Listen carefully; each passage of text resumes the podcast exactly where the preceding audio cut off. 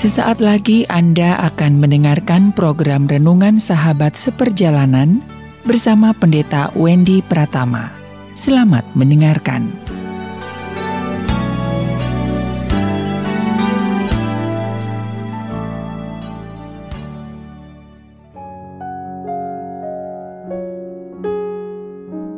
Selamat berjumpa kembali di dalam layanan audio Sahabat Seperjalanan. Hari ini adalah hari Rabu 15 Desember 2021. Tema renungan dan saat teluh kita dengan judul Malaikat Tanpa Sayap.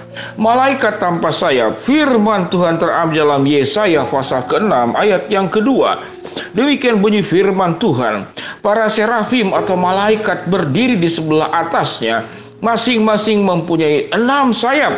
Dua sayap untuk menutupi mukanya, dua sayap untuk menutupi kakinya, dua sayap dipakai untuk melayang-layang.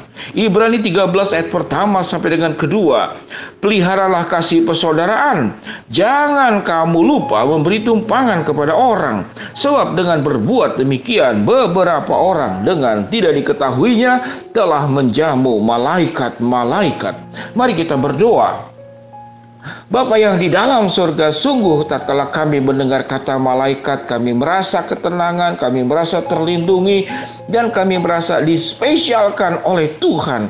Kami ingin ya Tuhan dilindungi malaikat, dan kami pun ingin menjadi malaikat. Dalam nama Tuhan Yesus kami berdoa, amin. Shalom sahabat seperjalanan yang dikasih Tuhan, malaikat tanpa sayap dan malaikat bersayap. Kalau malaikat bersayap, Alkitab mencatat dalam Yesaya pasal ke-6 ayat yang kedua, yang kita ketahui malaikat bersayap sepasang. Ternyata di Alkitab dikatakan malaikat itu punya sayap tiga pasang. Dikatakan apa? Dua untuk menutupi mukanya, dua untuk menutupi kakinya, dua sayap dipakai untuk melayang-layang, karena malaikat serafim ini melihat kemuliaan Allah yang demikian luar biasa sampai tidak berani menatap dan tidak berani menunjukkan kakinya sebagai lambang kekuatan dan topangan dari kaki kepada badan dan dua dikatakan melayang-layang. Sahabat seperjalanan, kita sudah sangat paham bahwa malaikat diciptakan Allah memang untuk menjaga dan melindungi kita. Ada demikian banyak peristiwa dari Alkitab yang kita kenal biasanya tatkala peristiwa Yesus lahir.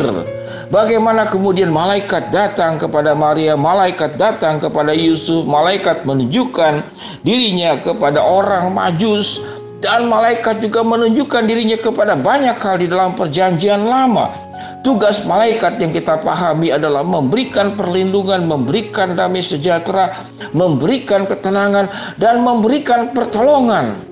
Jadi sangat jelas Allah menyediakan malaikat untuk melindungi kita dari berbagai macam persoalan hidup.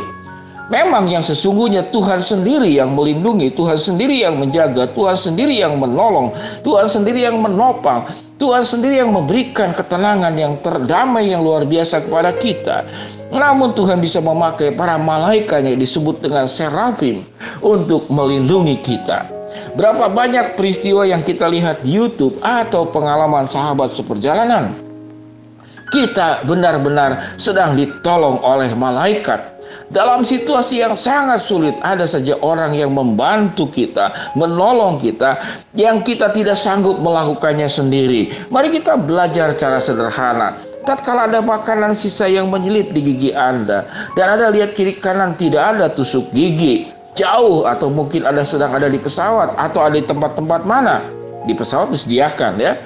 Tetapi kan ada orang yang punya kebiasaan membawa tusuk gigi dan Anda sedang membutuhkan itu dan orang itu menyodorkan tusuk gigi diberikan kepada Anda. Maka itu adalah malaikat kecil untuk menolong kesusahan yang sederhana juga di dalam kehidupan kita. Namun, ada malaikat yang lebih bersinggungan dengan nyawa, yaitu para pendonor darah. Setetes darahmu nyawa bagi penggunanya, kurang lebih demikian. Maka sewaktu kita terbiasa donor darah, rutin donor darah, Anda sedang menjadi malaikat yang tidak bersayap untuk menolong orang lain. Berapa banyak pengalaman juga yang terjadi di dalam kehidupan kita semua. Tuhan membantu kita, menolong kita. Ada satu peristiwa, saudara-saudara, saya sedang melayani, mau melayani dengan jas lengkap yang terpakai, yang saya sedang membawa motor. Lalu kemudian apa yang terjadi, saudara-saudara, di perempatan itu tiba-tiba ada ada kendaraan tua yang mogok di tengah-tengah perempatan. Saya lihat kiri kanan tidak ada yang membantu dan saya lihat itu seorang opa dan oma Saudara-saudara ini saya pinggirkan motor saya, sementara saya mau khotbah sebetulnya. Ya dengan fisik yang saya miliki dan kemudian memang jalannya juga tidak menanjak, datar. Saya dorong mobil oma opa itu ke pinggiran. Saya katakan, oma opa apa yang saya perlu bantu? Dia katakan, terima kasih cucu, terima kasih. Uh, saya bingung bagaimana mengontak anak saya. Lalu saya katakan, oma opa tahu nomor teleponnya, nomor WA-nya. Dia berikan kepada saya. Lalu saya kontak anak tersebut, terhubung. Lalu kemudian berkomunikasi langsung dengan oma dan opa ini.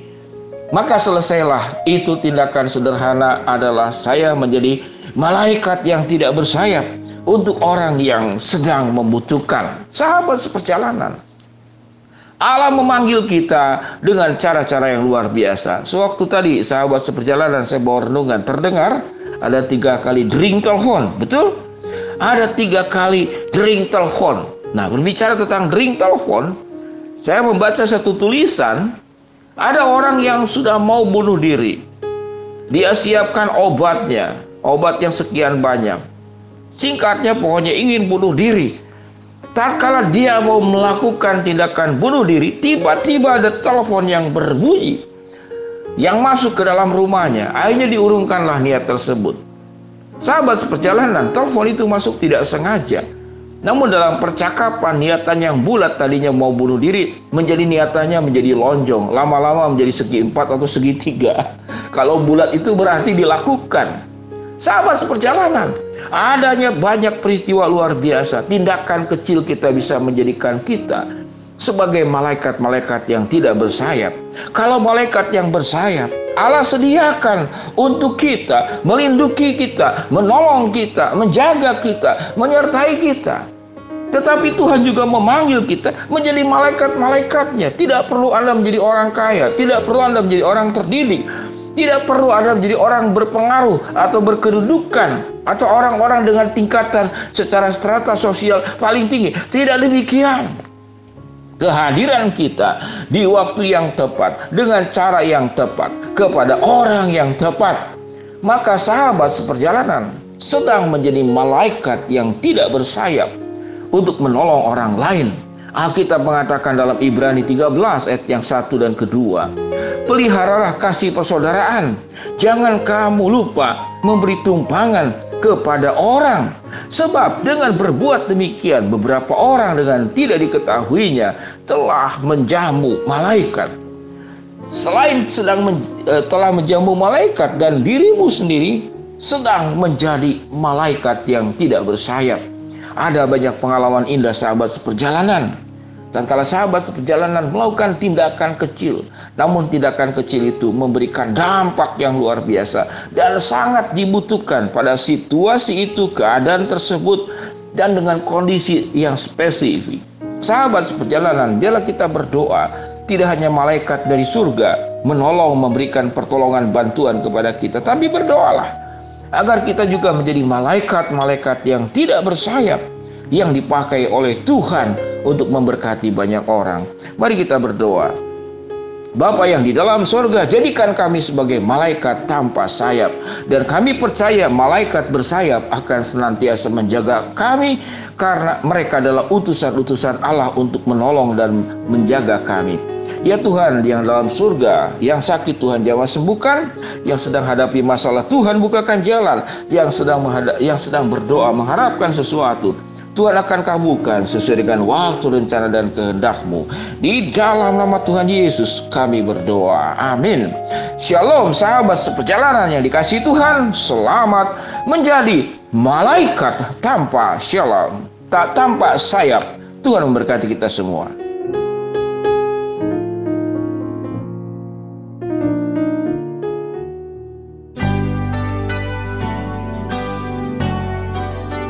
Anda baru saja mendengarkan program renungan sahabat seperjalanan bersama Pendeta Wendy Pratama.